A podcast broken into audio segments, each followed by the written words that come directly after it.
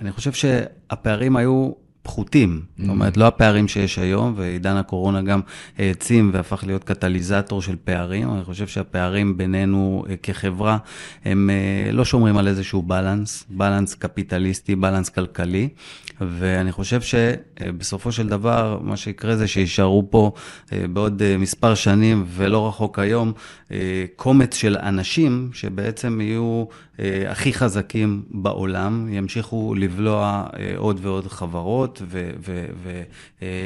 וישלטו בהכל. זאת אומרת, הדבר הזה לא יוכל להחזיק מים או להמשיך להחזיק מים בתצורה שהוא.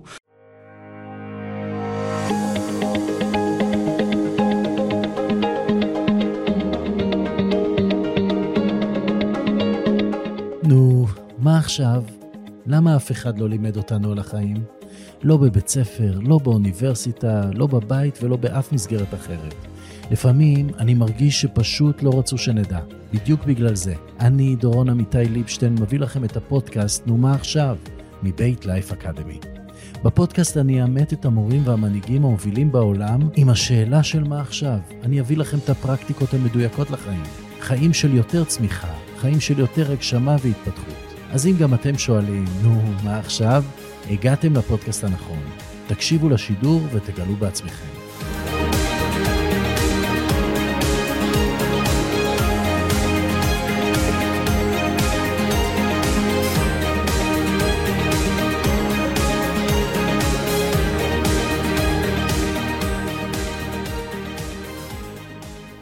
אדי שטיינברג, איזה כיף שאתה פה. תודה, דורון. לגמרי, הכיף שלי גם. למי שלא מכיר את אדי, אז אה, אדי הוא יזם בנשמה, היה עצמאי כל חייו, לאחרונה סמנכ"ל סחר בחברה גדולה, והוא ממציא של המושג החדש, אמוריאליזם. נכון. על כל זה אנחנו הולכים לדבר, אבל השאלה הראשונה שאני שואל אותך, זה אדי, מה עכשיו? עכשיו זה להתרגל מחדש, אחרי תקופה של שלוש שנים מאוד אינטנסיביות, שמי כמוך יודע, אה, בתפקידים בכירים, עם המון אה, אחריות ובנייה של אה, חטיבות ושל דברים. עכשיו רגע באמת להתעסק בדבר האמיתי, במהות הזאת, שזה המוריאליזם, שהוא פרי המצאתי, ולגמרי להקדיש את הזמן, לנוח מעט. לנקות את הראש ולבוא לזה באנרגיות מחודשות, להפוך דף בספר החיים, כי אני מאמין שכל אחד מאיתנו כותב את ספר החיים שלו, להפוך דף, דף נקי, להתחיל לרשום עוד פרק. זה, ה, זה העכשיו, זה העכשיו. ומה הביא אותך בעצם, אה, ההיסטוריה שלך שהביאה אותך לרצות להביא משהו חדש לעולם, שמחליף את הקפיטליזם? מה משך אותך לזה כל חייך העצמאי? תראה, אני אגיד לך, לאורך כל השנים, כמו שאמרת, מעל 20 שנה כעצמאי, הייתי בצד אחד בעצם של המתרס, ופתאום בשנים האחרונות, בשלוש שנים האחרונות, הייתי בצד השני, ופתאום טעמתי את הצד השני. אני חושב שמשהו אה, באיזונים היום של העידן הקפיטליסטי אה, מופר.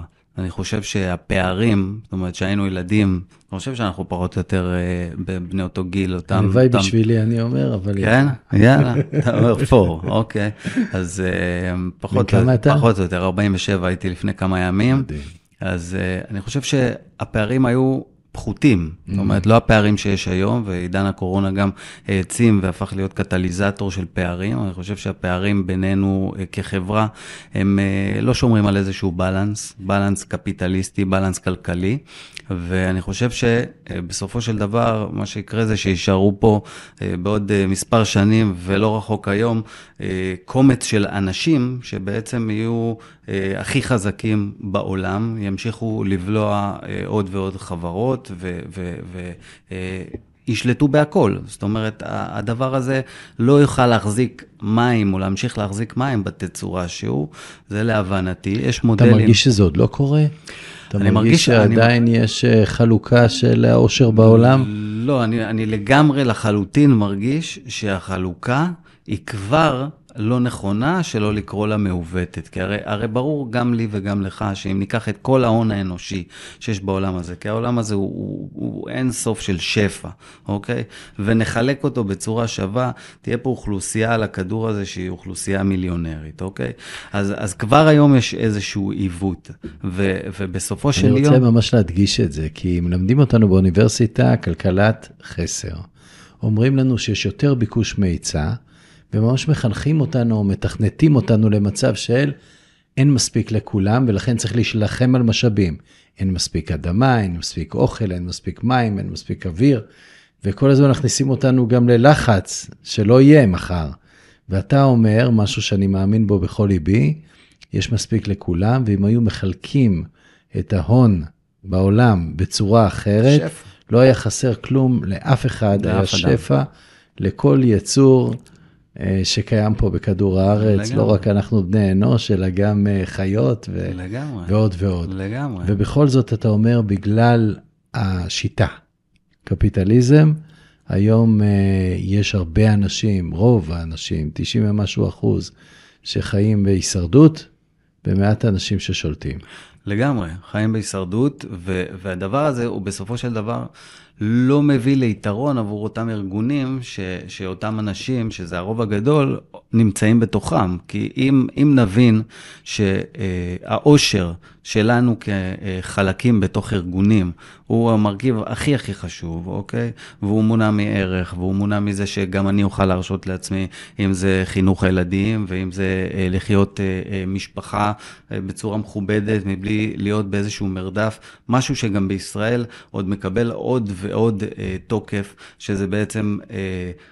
כל הכלים הפיננסיים שממציאים לנו כאן, ואנשים שחיים באוברדרפטים, במין עושר מדומיין של טיסות לחו"ל כמה פעמים בשנה, ומסעדות ובתי קפה, דבר שהוא בסופו של דבר אה, יכל להיות אה, כמו במדינות נורדיות, שהן דוגמאות מצוינות בעצם לאיזשהו שילוב של אה, אה, קפיטליזם עם איזשהו סוציאליזם, איזושהי סוציאל דמוקרטיה, איזשהו ניהול של מערכות כלכליות יותר באופן שוויוני, יותר לטובת הכלל, אוקיי? איזשהו מיסוי פרוגרסיבי יותר נכון של אותם אנשים. בוא אני אשאל אותך שאלה. מישהו מאיתנו, מישהו מאיתנו כבני אדם זקוק ליותר מ, בוא נגיד, מאות מיליונים, מיליארד, אוקיי? מישהו זקוק לזה? אפשר לעשות עם זה, אה, אה, עם יותר מזה? כן. זאת אומרת, אין פה... התשובה היא לא, דרך אגב, אדי, עד כמה שאני יודע, תקן אותי אם אני טועה, המיליארדרים של העולם, זה התחיל בביל גייטס ווואן באפט, נכון. החליטו לתרום חצי מהונם בעודם בחיים, והם שכנעו מלא אחרים לעשות את זה.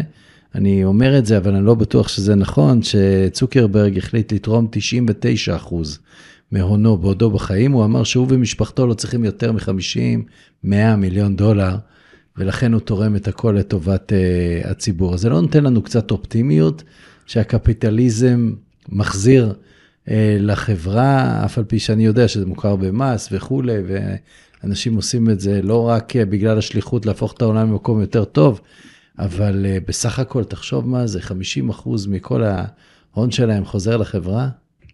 בוא ניקח את זה, בוא ניקח את זה לדוגמה, שאפשר להתחיל, להכניס את זה ככלי לתוך המערכות שלנו בסופו של דבר. זאת אומרת, אם הממשל עצמו, הארגון בעצם שמנהל את, את רוב האוכלוסייה, אוקיי? היה קובע שעד הון מסוים זה בסדר, יש מדרגות מס וכולי, אבל אחרי איזושהי דרגת הון מסוים במספר, אוקיי? הכסף הולך, אוקיי? להחלטתו של אותו יזם, לטובת, עוד בחייו, לא צריך להגיע לסוף, אוקיי? לטובת איזה שהם אה, דברים שהם מיטיבים עם הכלל, אוקיי? אה, התחממות גלובלית, כל דבר שהוא יחליט, אוקיי? זאת אומרת שהיה יכול להיות פה כבר עכשיו הייתה יכולה להיות איזושהי חלוקה יותר צודקת של הדברים. הייתה יכולה ממש. להתקיים פה, להתקיים פה אה, אה, חברה שעובדת בצורה יותר שוויונית, אוקיי?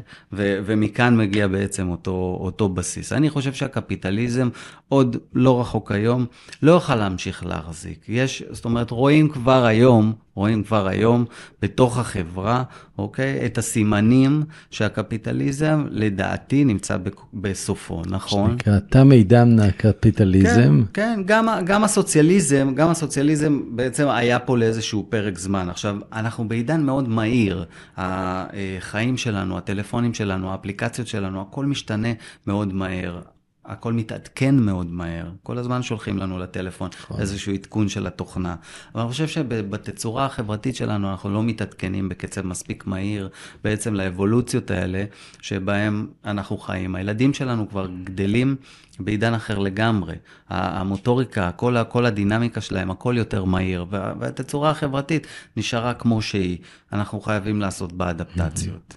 מעניין אותי ברמה אישית, מה גרם ל... יזם סדרתי בגיל 44, להחליט שהוא הולך להיות שכיר. האם זה הקורונה, האם זה משהו שרצית לחוות, אה, איך זה מהצד השני? כן, החיים, החיים, אה, החיים טרפו, החיים טרפו את הקלפים, mm. הקורונה הגיעה, הייתי בתחום התיירות, בקרפטים וואו. של רומניה, היה כיף אדיר, אה, העסק הלך והתפתח, באמת, ומגיעה קורונה. וקורונה עוצרת הכל כליל, בטח ובתחום התיירות. אין, אין יותר לאן ללכת עם זה. ואני יושב וחושב לעצמי, מה, לאן וכולי, ומחליט שאני רוצה לחזור ארצה. סך הכל במצטבר חייתי 15 שנים בחו"ל. וכל פעם היה איזשהו פרק שהחלטתי שבו אני רוצה לחזור ארצה. התחושה הזאת של השייכות, השפה, הרצון משפחה, חברים וכן הלאה וכן הלאה, וזאת אחת הסיבות. וכשאני מחליט שאני חוזר, אז ההזדמנויות ניכרו פשוט. חבר המליץ, חיבר וכן הלאה לתוך קבוצה, וככה אה, נוצר אה, הפרק לזה, הזה. אני קורא לזה טיפ על הדרך. מה שמסדר לנו בעצם את התפקידים הכי טובים זה ה networking שלנו, החברים לגמרי, שאספנו לאורך החיים. דרך אגב, במקרה כזה של עבודה, זה תמיד לא המעגל הראשון, זה המעגל השני. חבר שמחבר לחבר, שבסופו של דבר מביא את ההזדמנות, וזה... לגמרי, וזה, ומשם... וזה מקסים. ובזמן שאתה סמנכ"ל סחר, הרעיונות האלה של המוריאליזם באים, או שהם כבר ישנים? לא, הם, הם לאורך כל השנים, כמו גם, כמו גם הספר ש, שאני רושם ואני כותב וסיימתי. מה שמו? אה, הנשמה מעצבת המוח יזם. עוד פעם, תגיד, הנשמה מעצבת, המוח יזם. המוח יזם. כן, זה, זה, זה רעיונות שאני אה, חושב שכמו ההגדרה של הספר, כך גם האישיות שלי. מאוד אה, מורכבת משני האלמנטים האלה, מאיזושהי נשמה מאוד אה, מעצבת, מאוד יצירתית, אוקיי? חושבת, קריאטיבית, ומוח שהוא יזם, ומשם מגיעים הרעיונות, גם אודות המוריאליזם, ודרך ניסיון החיים, שעל זה גם הספר מדבר אגב, אה, ושוזר בעצם בתוך הפרקים, זה סוג של אוטוביוגרפיה מסוימת, את, את ניסיון החיים, והמסקנות, והתובנות, והרעיונות להעצמה, בעצם חלק מכל הדבר הזה. זה המוריאליזם, קיבל כותרת, אוקיי? Mm-hmm. ונקרא המוריאליזם, ואני בהחלט, בהחלט, בהחלט חושב שאנחנו, מגיע לנו, מגיע לנו כ, כ, כחברה אה, לחיות פה בצורה יותר מיטיבה, לגמרי, אוקיי? מדהים. ו... בוא, בוא נפרט באמת ממה מורכב המוריאליזם. תראה, המור... הקפיטליזם הוא בעצם מתרכז בהון, בקפיטל נכון. בלועזית. המוריאליזם זה אמור, מורל וריאליזם, שזה אה, אהבה ומוסר אמיתי. זאת אומרת, אנחנו באים ואומרים, בואו נהיה יזמים בכלל, אם זה, אם זה כארגונים חברתיים או אם זה כארגונים כלכליים, אוקיי? בואו נהיה יזמים טובים יותר. בואו נהיה שחקני נשמה, אוקיי? טובים יותר בתוך הארגונים שלנו. אם האנשים שהם המרכיב הרי הכי חשוב בתוך כל הארגונים החברתיים והפרטיים, אוקיי? יהיו מאושרים בתוך הארגונים, יהיו לנו שחקני נשמה בארגונים, התוצרים של הארגונים שלנו יהיו גבוהים באלפי מונים, אוקיי? אנשים יבואו מאושרים לארגונים שבהם אנחנו מעבירים את רוב שעות היום, אוקיי? ויחזרו גם לארגונים היותר קטנים, המשפחות וכן הלאה, מאושרים, כי... כל הרצף הזה ישתנה. היום, היום מרביתנו, מרבית האנשים בעצם הולכים ועושים את מה שהם עושים בלית ברירה, כי אין, אין ברירה, אני מחויב ל... איך מכניסים אהבה לארגונים? מה צריך לעשות בשביל אתה יודע, יהיה אהבה במקום עבודה. אנחנו תמיד עושים את ההפרדה הזאת של המקום עבודה, ראש מנהל, הרגש משאירים אותו בצד, ופתאום אתה אומר, המוריאליזם זה להביא גם את האהבה למקום העבודה. חד משמעית, חד משמעית. איך עושים את זה? תן ככה כלים לאנשים, טיפים של איך עושים את תראה, זה. תראה, קודם כל, קודם כל, בראש ובראשונה זה, כולם צריכים להיות ולהרגיש בעלי ערך בתוך הארגון. מאותה מנקה ואותו אה, פקיד או פקידת קבלה ועד ראשי הארגון, כולם צריכים להרגיש בעלי ערך, בלי קשר להיררכיה. את זה אפשר ליצור על ידי כמה מנגנונים, למשל, של לעשות איזשהו משהו קבוצתי ביחד, כמו לנקות או לסדר, מה שממוסס אגו והיררכיות וכן הלאה, ומקרב, וגם מוציא אנשים חזרה לתפקיד שלהם בצורה הרבה יותר נלהבת ונמרצת, כשהם מרגישים שהם עשו משהו יחד עם הדרגות הבכירות, אה, אה, ו... באמת באותו לבל, הרגישו באותו לבל. זה, זה פעם אחת. פעם שנייה, אני חושב שצריך וחובה, ראוי, למצוא מנגנונים ולצקת אותם לתוך הארגונים, בין אם זה ארגונים פרטיים ובין אם זה ארגונים בורסאיים, מנגנונים שבסופו של דבר גורמים לכל אחד בשרשרת מהאנשים שהם חלק מהארגון להגיע לשכר יותר הולם.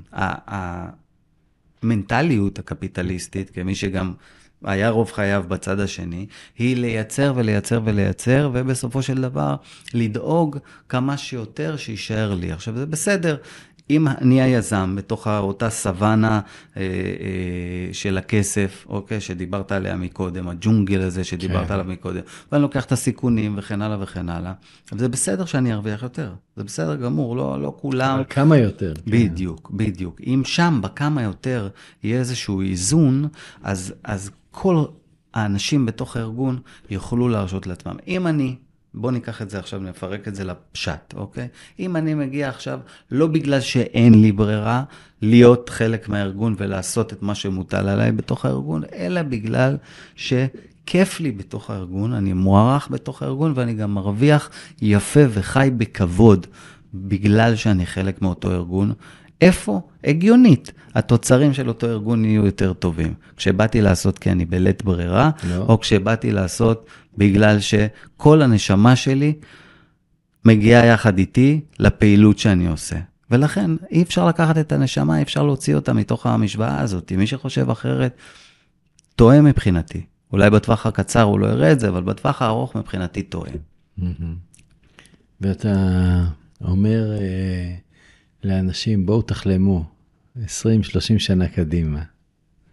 קח אותנו, כי בדרך כלל, אתה יודע, בימים האחרונים, אנשים מדברים על מקסימום אני יכול לחשוב, אה, אפילו לא שנתיים, אפילו לא שנה, כמה חודשים קדימה, כי העולם משתנה בקצב הולך וגובר, ואיך אתה יכול לקחת אותנו 20-30 שנה קדימה? תראה, אני אומר בוא נעצום עיניים. ונדמיין שהתעוררנו, וכמו בכל יום, אם אז גם יהיו את אותם טלפונים, או קצת יותר משוכללים ממה שאנחנו מכירים, או כלי תקשורת, או pad-ים, או טאבלטים, או whatever, ונגלול, וניתקל בכותרת הזאת, שבאמת אמוריאליזם מחליף את הקפיטליזם. הסוציאליזם הוכיח במשך... אה, אה, עשורים מסוימים, שהוא היה חברתי מדי, או שהוא נלקח למקומות שהם יותר מדי טוטליטריים, תרגמו את זה למקומות רודניים לרוב, mm-hmm. אוקיי? ולכן הוא לא החזיק. הקפיטליזם גם מתורגם למקומות שרק הון, הון, הון, אקסלים, אקסלים, כסף, כסף. זאת אומרת, משהו בפן האנושי הולך לאיבוד, ובסופו של דבר אני אומר, בואו ניקח את זה קדימה, אמוריאליזם, איזשהו balance בין שני הדברים, בין האנושי לבין הכלכלי. זה בסדר, כסף הוא, הוא חלק, עם זה אנחנו אה, אה, סוחרים, מתקיימים. אם בעבר זה היה מטבעות כנגד משהו אחר, לי יש כזה, לך יש ביצים, ואחרי זה בהמשך אה, אה, לי יש אה, אה, ריבה וכולי, בכפר, במושב, בקיבוץ, אז היום אנחנו סוחרים וקונים עם זה. המורליזם חייב להגיע, האיזון חייב להגיע. הבלנס הזה מופר כבר, כבר היום, והוא רק הולך ומתעצם. אנחנו כרגע נמצאים בתקופה שהיא תקופה של אה, מיתון. אוקיי? התקופה הזאת רק מעצימה בסופו של דבר את הפערים בינינו. זאת אומרת, האנשים החזקים ימשיכו בתקופות מיתון או בתקופות אה, קורונה, אפידמיה כזו או אחרת, להתעצם, לרכוש עוד חברות, לבלוע עוד חברות שלא הצליחו לעבור, מה שנקרא, את התקופה הזו, ורוב, רובה של האוכלוסייה ימשיך להיחלש. הדבר הזה צריך להיפסק. כמו שאמרת קודם, המוריאליזם מורכב משלוש מילים בעצם. נכון. אמור, שזה אהבה, שזה מערכת הפעלה של השיטה, זאת אומרת, הכל מתבסס על אהבה, ואנחנו עוד נעשה דייב אין בפנים. מה המילה השנייה? מורל. מורל. מורל. שזה ו... מה שנקרא היה... מוסר. מוסר. מוסר, כן, כן, כן. כן. כן. זה אהבה ומוסר, זה, זה, שני, זה שני הבסיסים הכי חשובים כדי להניע פה דברים mm-hmm. קדימה שזה בצורה... שזה קצת כמו עשרת הדיברות מבחינת המוסר של אה, מה, מה, מה הגון, מה אפשרי, מה נכון, כן, לעבוד, מה אתי. כן, לעבוד, לעבוד, ב, לעבוד ב, בצורה שקודם כל באה מהלב והנשמה. משלבת בתוכה יושרה ומוסר. אני חושב שאלה שני מרכיבים. אתה יודע, בעולם שלנו, הארץ-ישראלי, יגידו פראייר, אוקיי? למה? כי זה, זה תרבותית אולי ככה גדלנו, אבל זה ממש לא נכון. אני ממש מאמין... או פראייר או הגון.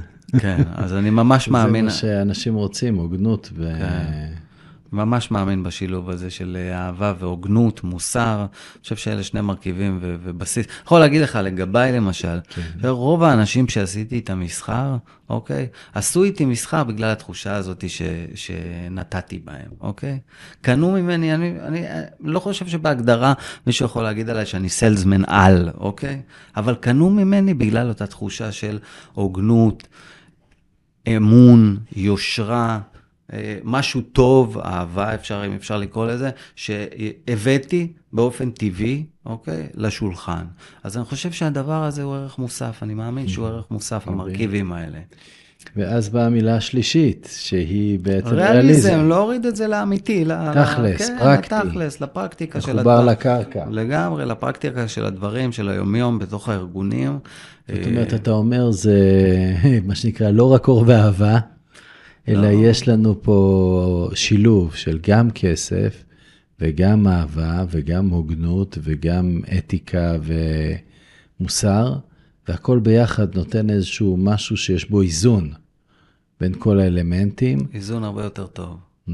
איזון הרבה יותר טוב בין כל האלמנטים. כי כש, כשאנחנו, שמים, כשאנחנו שמים את הדגשים על אותו איזון, אז, אז מתפנה זמן גם לשפר עוד ועוד דברים. Mm-hmm. אם, זה, אם זה גינות, אם זה אורח חיים, אם זה ספורט, אם זה אה, אה, יכול להיות מדיטציה בתוך הארגון 20 דקות, רבע שעה. עכשיו, יש ארגונים שבקצה אי שם כן...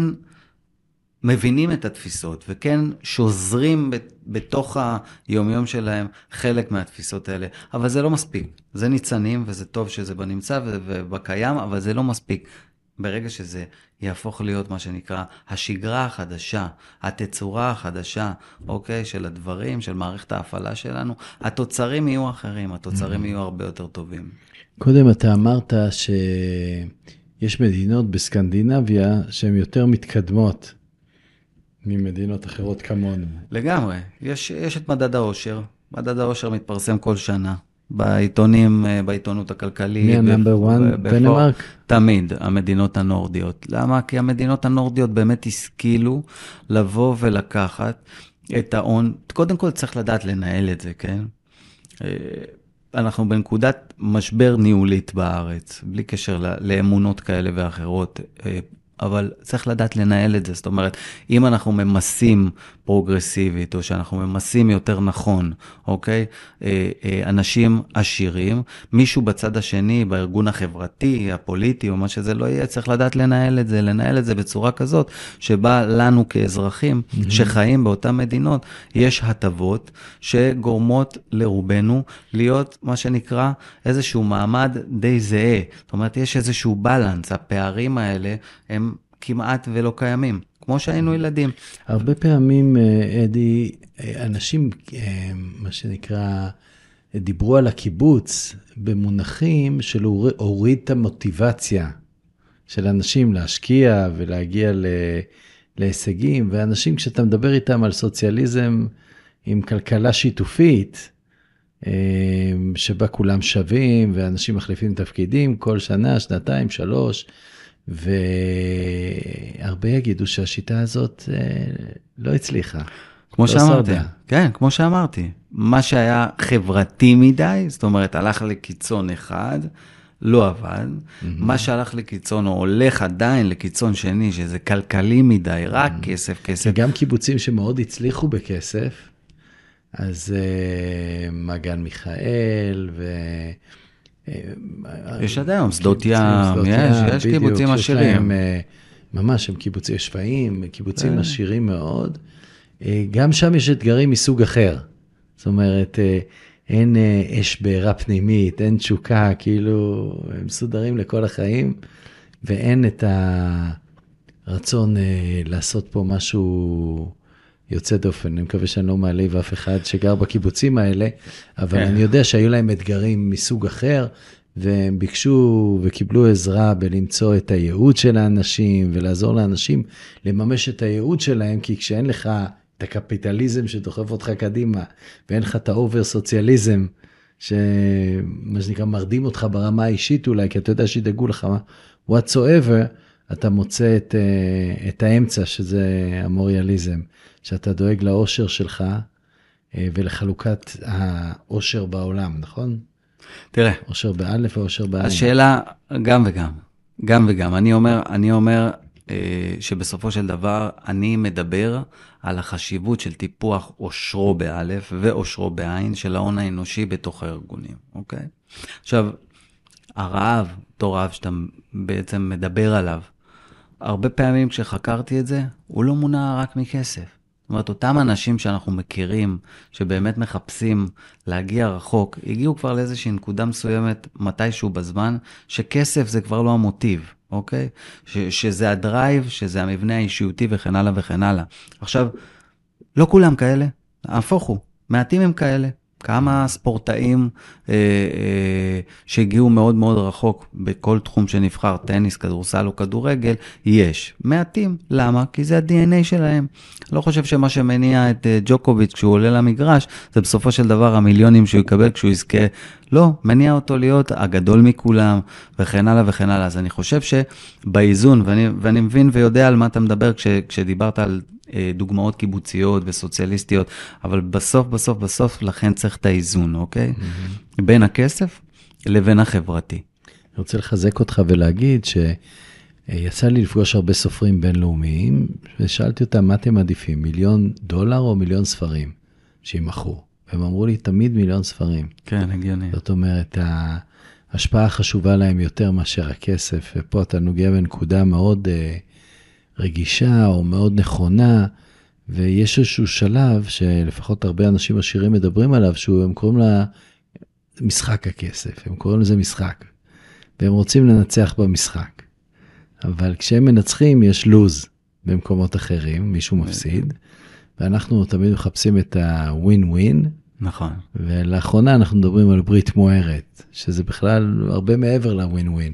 כשאני עוזר לך, אדי, זה כשלעצמו עוזר לי, השיטה שלך, מה שאתה מביא לעולם, הופכת אותי ליותר מאושר וליותר עשיר וליותר אה, אה, ריאלי וליותר אה, אתי.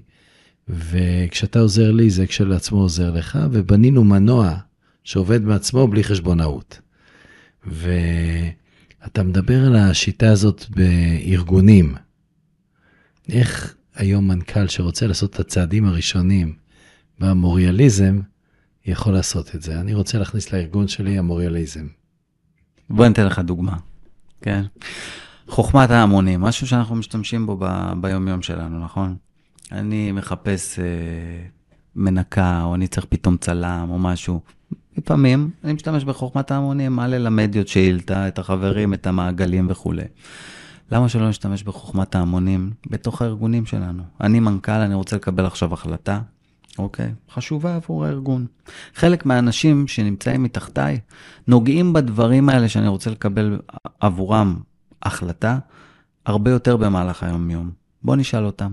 בוא נעשה סטארט-אפ, בוא נעשה אפליקציה, ששואלת אותם בריל טיים, הם מקבלים לטלפון או למחשב הנייד בריל טיים. תענה, אוקיי, אני רוצה להביא כך וכך מכולות של, אוקיי, נכון, לא נכון, הכמות נכונה וכן הלאה, ואתה עונה בריל טיים, אתה עונה בריל טיים, ואותו מנכ"ל. מקבל גרפים של תשובות ריאליות מחברי הארגון. אחד, ערך, איזה כיף לי. מקסים. איזה כיף לי, שאלו אותי. שאלו אותי, התחשבו בדעה אותי, שלי, רואים אותי. מקשיבים לי. מקשיבים לי. יש אני... לי יכולת להשפיע. יש לי יכולת להשפיע. זה כבר הרבה לפני. רוצה לספר לך משהו קטן, לפני שאתה ממשיך ב... בלהיכנס עוד יותר עמוק.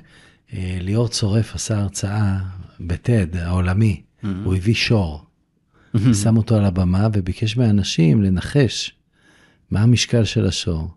והממוצע באמת היה על, ה, על הנקודה אה, משקל השור. זאת אומרת, יש כוח אדיר לחוכמת ההמונים, ולכן אה, הגישה הזאת עובדת, כי הידע בארגון לא מרוכז אצל בן אדם אחד או שניים, אלא הידע מפוזר בכל הארגון, וביחד אנחנו יכולים לקבל החלטות נכונות לארגון. זה קצת אה, הנהגה מעגלית, זה קצת הנהגה שיתופית, זה משהו אחר ממה שאנחנו מכירים מבחינת אה, קבלת החלטות על ידי הדרגים הבכירים. כן, עכשיו, עכשיו זה, זה בהחלט גם, תראה, אחד הדברים שקורים באופן אוטומטי כמי שגם היה שם, ובטח ובטח שבצעירותי, מודה, גם אני, אה, נגע בי הדבר. זה הנושא של האגו, והנושא של אה, אה, הצלחתי, ועליתי, ועשיתי, והרווחתי. ואז אה, אני, אני מרגיש באיזושהי תחושה כזאת, קצת uh, מעל כולם, שלא לומר אולי קצת קרוב יותר לאיזשהו כוח עליון. ואני חושב שהדבר הזה הוא גם כן משהו שמייצר איזשהו פער, שהוא mm-hmm. פער לא תקין בתוך, uh, בתוך ארגון. ולכן הדברים האלה שאנחנו מדברים עליהם, אם זה לשתף את חוכמת ההמונים, או לעשות איזשהו אקט בתוך הארגון שעושים משהו ביחד, מסדרים, מנקים, אקח אותך גם למקומות יותר קיצוניים של אפילו לנקות את השירותים. אין היום מנקה, אנחנו מנקים, כן, אני המנכ"ל, הבעלים, יחד איתכם, אפילו עם החולצות של החברה, בואו נעשה יום אקונומיקה בשירותים, בכיף של המטבח, של הספריות, של המחסן, you name it, אתם תבחרו, אבל ממוסס היררכיות ואגו, אז זה דבר אחד, מעורר עוד ערך, רואים אותי, אני כאן, אני חשוב. הדבר השלישי, שאני אוכל להרשות לעצמי לחיות בכבוד. אם אני מגיע עם ראש שקט לארגון בשביל לעשות את העבודה שלי, ולא בגלל שאני חייב, כי יושבות עליי כל המחויבויות הכלכליות מאחורי הגב, וזה כבד עליי, ואני חייב לבוא ולעשות, אני עושה את הדברים אחרת. ואז ארגון יכול למצוא כל מיני כלים בשביל לעזור לאותם, אה, לאותו הון אנושי שהוא חלק ממנו, לחיות חיים נוחים יותר, אוקיי? וכמו שאמרת קודם, כתבת גם ספר. כן. ואיך איך המסר של הספר הזה בא לידי ביטוי? אה, אני יודע שכבר, אה, זה ממש בעריכה ועוד מעט יצא לשוק. תראה, הספר, הספר הוא, הוא כבר, אה, איך אומרים, שני עשורים כמעט, 15 אה, שנה, עשור וחצי, הולך איתי, כל פעם מתווסף עוד איזשהו פרק. הוא, הוא די ספר אוטוביוגרפי, שבעצם משלב את הקוראים, והוא גם קצר באופן יחסי, כי אני מאמין שהיום בעידן שאנחנו חיים בו, של האינסטנט. כן. אין סבלנות לקריאה של, אני אוהב לקרוא גם ספרים יותר ארוכים, אבל בכוונה הוא קצר. והוא משלב ולוקח את הקוראים דרך סיפורי חיים, דרך עליות ומורדות. מכניס אותם למה שנקרא בגובה העיניים, להחלטות, לקשיים. לחרדות, לפחדים, ו- ומעביר אותם, ו- ואני חושב שזה מייצר איזושהי הזדהות, כי אני חושב שכולנו עוברים דרך אה, אה, אה, מס- משהו שהוא קשור לעליות והמורדות האלה במהלך החיים שלנו, צמתים ותובנות והעצמה ומסרים, ואני חושב שזה זה, זה יכול לגעת בכל אחד בסוף. הנשמה מעצבת המוח יזם הספר. כן. למה, למה מוח יזם? כל מוח יזם או אנשים ש... לא, זה ספר, זה ספר שהוא בסופו של דבר אוטוביוגרפי. אז זה אצלך. אז כן, זה מורכב, זה מורכב ממני. הנשמה שלי מעצבת, היא יצירתית, היא מחוץ לקופסה, היא ממציאה, אידיאשן, רעיונות, אה, גם מעצב אה, בהכשרה שלי, זאת אומרת, גם המצאתי דברים מוצרים, אם זה מטבח הראשון בעולם בעל חזיתות תלת מימד, אז זה בפן הזה. Mm-hmm. והמוח יזם, זה, זה ברמה הפרקטית של להוריד את הדברים בסוף אחרי החלום והדמעה וזה, שזה מצוין, שאם זה מתחילים בלי זה, אין, אין כיוון, אין מצפן. צריך להוריד את הדברים גם ליומיום, לפרקטיקה של היומיום, ואני חושב ששם זה המוח אה, יזם. ברמה האישית סיפרת לי שעשית 11 פעם ויפאסנה. כן. איך מגיעים לזה? כל פעם ביום הולדת. כמה זמן? כן. תראה, ויפאסנה, ויפאסנה זה אה, האסנס של הבודהיזם, אוקיי? זו מדיטציה שמתבצעת בשתיקה mm-hmm. מלאה. Mm-hmm. אין, אתה מפקיד הכל, מה שאנחנו לא רגילים בשום צורה ואופן בעידן שלנו. אין טלפון, אין ספרים, אין כלום. זה עשרה ימים, 11 יום בסך הכל, עשרה לילות, 11 יום. אתה נכנס לתוך קורס שממש, אה, בוא נגיד שבצורה המערבית מכירים את זה יותר אה, בתור... אה, מיינדפולנס, אוקיי? מיינדפולנס מתבסס. לא, אתה ממש לא מדבר 11 לא, יום? לא, לא, יש... יש ספר לי, יש, ספר איך זה עובד. יפה. יש מורה, כן. לכל דבר ועניין. הקורס מתנהל בצורה דקדקנית, אוקיי? מתעוררים כל יום ב-4 לפנות בוקר. מתחילים סדרה של מדיטציות. השליש הראשון של אותם עשרה ימים הוא, כמו במיינדפולנס, הוא בעצם ריכוז. לעלות בדרגות הריכוז של התודעה שלנו, זה על ידי התרכזות בנשימה.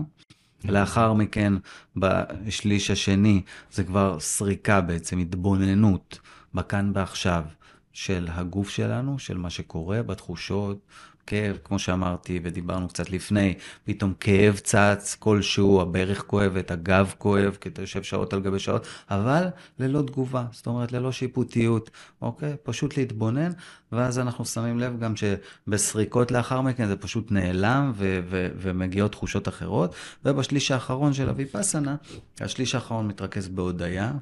בהודיה באמת אה, מאוד עמוקה, אחרי שהגעת לרמות ריכוז מאוד מאוד גבוהות, כי תחשוב, אין, אין, אין הסחות דעת. זאת אומרת, אתה מגיע, אתה מגיע ל, לרמות הרבה יותר גבוהות בימים האלה, זה עשרה, 11 יום בשקט מוחלט, זאת אומרת, יש פה עבודה מאוד אינטנסיבית. אני קורא לזה קצת כמו איירון מן, לשריר הזה, שהוא תודעה, אוקיי? כמו שיש שרירים אחרים, אוקיי? התודעה הוא גם שריר. אז כמה מתוך זה אתה באמת בשקט, לא מדבר מתוך ה-11 יום? כל התקופה. מוחלט. רק ביום האחרון, שזה אחרי הלילה העשירי, זה השוק אובזורבר, מה שנקרא, שם מדברים, נפגשים כולם בעצם ומדברים על החוויה, על מה היה. זה בעצם משהו מאוד הגיוני שמכין אותך שנייה לפני שאתה יוצא חזרה לחברה, קצת מרכך את הדבר הזה, כי אתה מלא באנרגיה כזאת שאתה רוצה לשתף ולדבר באמוציות שהן פי כמה וכמה מברגיל, ממה שאנחנו ביום-יום שלנו. זאת חוויה, ויפאסנה זו חוויה. זה קשה? אה, זה מאוד אינדיבידואלי. להגיד בהכללה, לי כן. היו לי קורסים שהיו מאוד קשים, מאוד קשים, שרציתי גם לעזוב באמצע. קרה לך פעם שפרשת באמצע? לא. לא פרשתי ועשיתי גם קורס מתקדם שנקרא סטי פתנה בהודו, אה, ויש עוד קורסים עוד יותר מתקדמים של 20 יום ו-30 יום של מורים וכולי. דרך אגב, קוריוז, יובל נוח הררי, הוא, אה, בוא נאמר, אה, מתרגל מאוד ותיק של ויפאסנה, גם 20, גם 30 יום, קורסים מתקדמים, אם אני זוכר נכון, אבל גם קורסים יותר מתקדמים מעשרה ימים. ויש לכלי הזה הרבה השפעה על נחת. על תודעה, ואתה לומד דרכו המון. אתה יכול לכתוב בזמן הזה? לא. אתה גם לא כותב. הייתי בטוח שזה הסיסטם שלך לייצר ספרים, שככה לא, הספרים לא, מגיעים לא, תוך לא, כדי. לא, לא, זה, זה, הסיסטם, זה הסיסטם שלי, ואני מאוד מתגעגע, ואני מאוד מתגעגע גם uh, לעשות שוב, uh, שוב קורס בקרוב. הכל תפוס, דרך אגב. איפה ב, עושים את זה בארץ? בארץ, uh, ב, בכנרת, בקיבוץ... Uh, בקיבוץ אה, כנרת, אם אני זוכר נכון. אני כבר לא עשיתי כמה שנים בארץ, אני חושב שהפעם האחרונה שלי הייתה התנדבות, ועוד קוריוז מעניין על הנושא של ויפאסנה, זה שכל המערכת הזו, שהיא מערכת עולמית, עובדת אך ורק על התנדבות ודנה. זאת אומרת, תחשוב שיש מרכזים בכל העולם, אוקיי? פזורים בכל העולם, והם עובדים רק על ידי מתנדבים, שבעצם זה אנשים שעשו לפחות קורס אחד, שבאים לשרת את אותם אנשים שבאים לעשות קורסים, והתנדבות.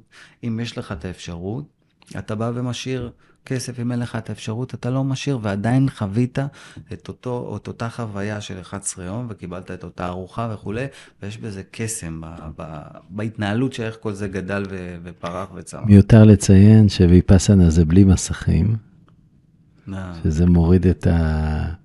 מה שנקרא התמכרות אה, אחת הגדולות היום שיש. אין כלום. ויש אנשים שמאבדים את זה, אנשים ש... שמה שנקרא יוצאים מדעתם? לא, אני לא הכרתי. אני לא הכרתי. לא הכרתי כאלה. זה נשמע כזה, אתה יודע, אה, קיצוני, אבל בוא, בוא, על אותו עיקרון, בוא ניקח איירון מן. איירון מן זה קיצוני ביותר, זאת אומרת, זה... זה... וזה לא שאתה הולך לישון או משהו כזה, אתה לומד רוב היום. לא, יש לך את השעות של השינה, mm-hmm. יש אה, מתישהו בצהריים איזושהי הפסקה, ויש אה, בערב הולכים לישון מוקדם, כי קמים גם בארבע לפנות בוקר, וזה ממש ממש אה, די דומה לה, להתנהלות אולי בתוך איזשהו מנזר בודהיסטי, אבל לא בדיוק, יותר מותאם ל, ל, לאופן, למערביות. ש... וביקרת במנזרים? אה, לא, בודהיסטים עוד לא? לא הייתי במנזרים בודהיסטים, הייתי פעם אחת בהרצאה של אה, הדלי למה. Mm. והייתי... איפה? בארץ? לא, ב... בצפון הודו. Mm. כן, ממש במקום מושבו, מה שנקרא. דרמסלה. כן, בדרמסלה, והייתי גם, אה, שם עשיתי את הקורס גם הראשון של אביפסנה. הייתי בן 27 לערך. אז הודו, הודו היא מדהימה, יש לה הרבה מה לתת, מעבר לנופים ו... ולנשמה, זה בטוח. לגמרי. אמ, לפני שחזרת, או לפני שהתחלת בשכירות, תקופת השכירות שלך, של לא סתם שכירות סחר, אמ, אתה אומר, היית בתיירות, וזה לראות עולם, ולראות אה, מה קורה במקומות. היה לך התמחות מסוימת של, אה, של תיירות, משהו שעשית להביא אנשים מפה. אמרת אזור אה, קרפטים כן. הרומנים. יש לך קרבה, משיכה לאזור הזה במיוחד? רומני. אתה רומני. אנוכי. מה שנקרא ליסודות. כן, רומני אנוכי, מדבר את השפה. מכיר uh, את התרבות, את האוכל. Uh, את האזור עצמו גם למדתי ותוך כדי תנועה. אוטודידקט, מאוד. אוהב ללמוד, אוהב לחקור, אוהב להתעמק בדברים. וגיליתי בתיירות את אחד הדברים היפים. אנשים שנמצאים בדרך כלל בתוך המרוץ היומיומי הזה, המאוד uh, עמוס, באים ומחליטים שהם לוקחים מספר ימים כדי לנקות את הראש, עם המשפחה או עם חברים או מה שזה לא יהיה, והם מפקידים את אותם ימים בידיך. ואתה עכשיו אמון על הזמן הזה, שהוא, שהוא לא סולם מפה, זה, הם עכשיו עבדו חצי שנה, שנה, לא לקחו חופש. Mm-hmm. ואתה אמון על הזמן הזה, ותקשיב, זה ממלא בצורה בלתי רגילה. כשהם חוזרים לשדה, או כשנפרדים, והם, והם כל כך מאושרים מכל uh, מה שהם חוו. זה, ו, ואין לזה מחיר, וזה, mm-hmm. וזה, וזה היה עסק, אחד הכיפים שעשיתי בחיי. אני רואה מה הבסיס של המוריאליזם, כי יש שם בעצם את כל המשולש. נתינה, כן, את המשולש. אם אתה, קודם כל, אני אישית שחקן נשמה. אם אני עושה משהו, אני עושה אותו all in בכל הכוח. Mm-hmm. זאת אומרת, לא עושה אותו רק בגלל שבסוף אני... אה, אה, אמור להיתקל עם המספרים האלה והאלה שייכנסו לחשבון הבנק. אני אוהב, אה, אדי, להגיד שאנחנו לוקחים אחריות על הכל. על כל דבר בחיים שלנו אנחנו לוקחים אחריות, כי אם לא ניקח אחריות, אנחנו נהיה בקורבנות. אז עכשיו אני רוצה לקחת אחריות על החיים שלי, מוצא חן בעיניי המוריאליזם. אה, כשספר יציאה אני אקרא אותו, אבל בינתיים אני רוצה שתיתן לי איזה כמה טיפים שאני יכול ללכת איתם, שאני כבן אדם יכול להתחיל לחיות את השיטה הזאת, ולעזוב את הקפיטליזם ששירת אותנו עד היום ולא מתאים למחר. הרבה פעמים אנחנו אומרים שמערכת הפעלה השתנתה בעולם בעקבות הקורונה, ועכשיו אנחנו צריכים כלים חדשים. אז אתה מביא את הכלים החדשים לעולם, איך אני יכול uh, להתחיל לצעוד בשדה המוריאליזם בעצמי, עוד לפני שהמעסיק שלי שם, ולפני אני גם עצמאי כמוך, ולפני שהמדינה עברה לשם, או הכלכלה עברה לשם, מה אני יכול לעשות עם לקיחת אחריות. תראה, אני, אני מסכים לגמרי ש, שתקופת הקורונה בעצם עשתה אה, reset לגמרי. המון אנשים גם לא חזרו למקומות העבודה. זאת אומרת, המון אנשים גילו שעל ידי פחות שעות עבודה מהבית, ניתן לעשות או להרוויח לפחות אותו דבר או כמעט אותו דבר, ולחיות בכבוד, עם הרבה פחות סטרס והרבה פחות לחץ. אז זה בהחלט משהו שאני מעודד לחשוב, כל אחד בזמנו. תראה, אני חושב שאנחנו בעיקר מונעים הרבה מפחד. Mm-hmm. זאת אומרת, אני, אני הולך לעבודה, נכון. כי אני מפחד שמה יהיה אם לא, לא תהיה לי את העבודה. לא יהיה לי... ואז אני אומר, בואו בוא, בוא נעבוד קודם כל על המקום הזה כדי להיות יותר באמוריאליזם. זאת אומרת, אם אני בהבנה שיש פה שפע אינסופי, ואני באמונה ו- ואני יכול לגלות את החוזקות שלי ואת היכולות שלי, ולה- ולהתחיל ליישם אותם. של, כמו שאמרת, קודם כל באיזושהי נתינה מסוימת, מכיוון שאם אני בנתינה, הכל יחזור אליי במכפלות ובמכפלות גדולות. אני עוזר לדורון, דורון עוזר לי, וכן הלאה וכן הלאה וכן הלאה. למצוא איזה שהן חוזקות, שאני יכול לתת קודם כל, להוסיף ערך לאנשים אחרים. בוא, אני אגלה לך, יש לי רעיון, שממש אתמול דיברתי עליו עם זוגתי, ואני רוצה ליישם אותו במושב, עברתי לגור אה, איתה במושב, בנווה ירק. אני רוצה לבוא ולעשות מדיטציה, אוקיי? שבועית. לא רוצה כלום. דנה, רוצים, תשאירו, לא רוצים, אל תשאירו, מה שבא לכם, הכל טוב. רוצה קודם כל לתת לכם, בואו נשב. Mm. שעה בשבוע, בערב על המדשאה, שעת שקיעה, החום יורד, נעבוד רגע להשקיט ולהרגיע. אם כל אחד מאיתנו נכון. ימצא איזשהו ערך, אוקיי? ש... ולכל אחד יש ערך. לכל יש אחד. יש לך שם הרבה שותפים, גן ירק, זה מיכל מילגרום ועוד uh, הרבה אנשים טובים כן? שעושים אה, מדיטציות שם. בית יפה, העם הוא מקום יפה. שעושים בו ממש תקשורים, חניכות, המון דברים. איזה יופי. אז uh, תענוג, בחרת במקום הנכון uh, להביא המוריאליזם. איזה כיף.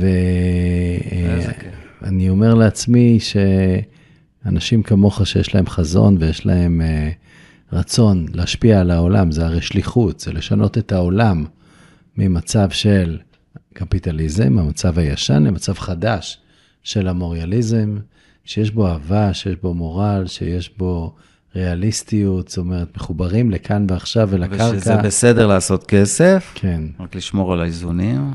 אנחנו בדיוק uh, בתקופה הזאת עושים כנס מאוד גדול שנקרא כשרוח פוגשת חומר. Mm-hmm. והרבה מאנשי הרוח אומרים, זה לא פייר, אנחנו עושים טוב בעולם.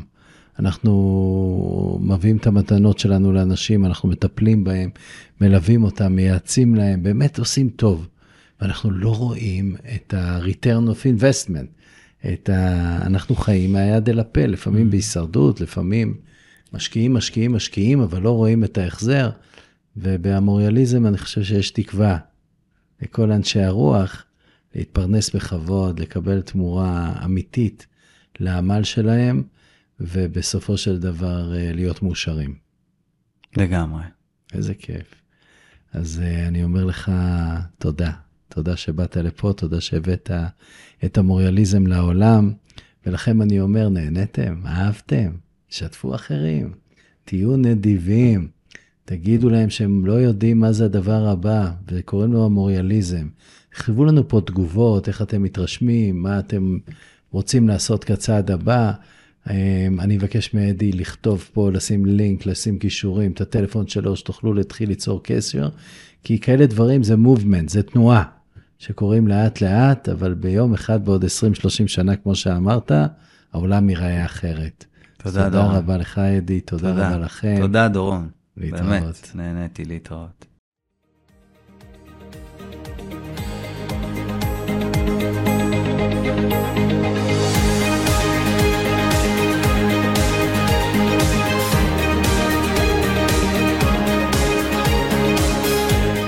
טוב חברים, הגענו לסיומו של עוד פרק בפודקאסט, נו מה עכשיו?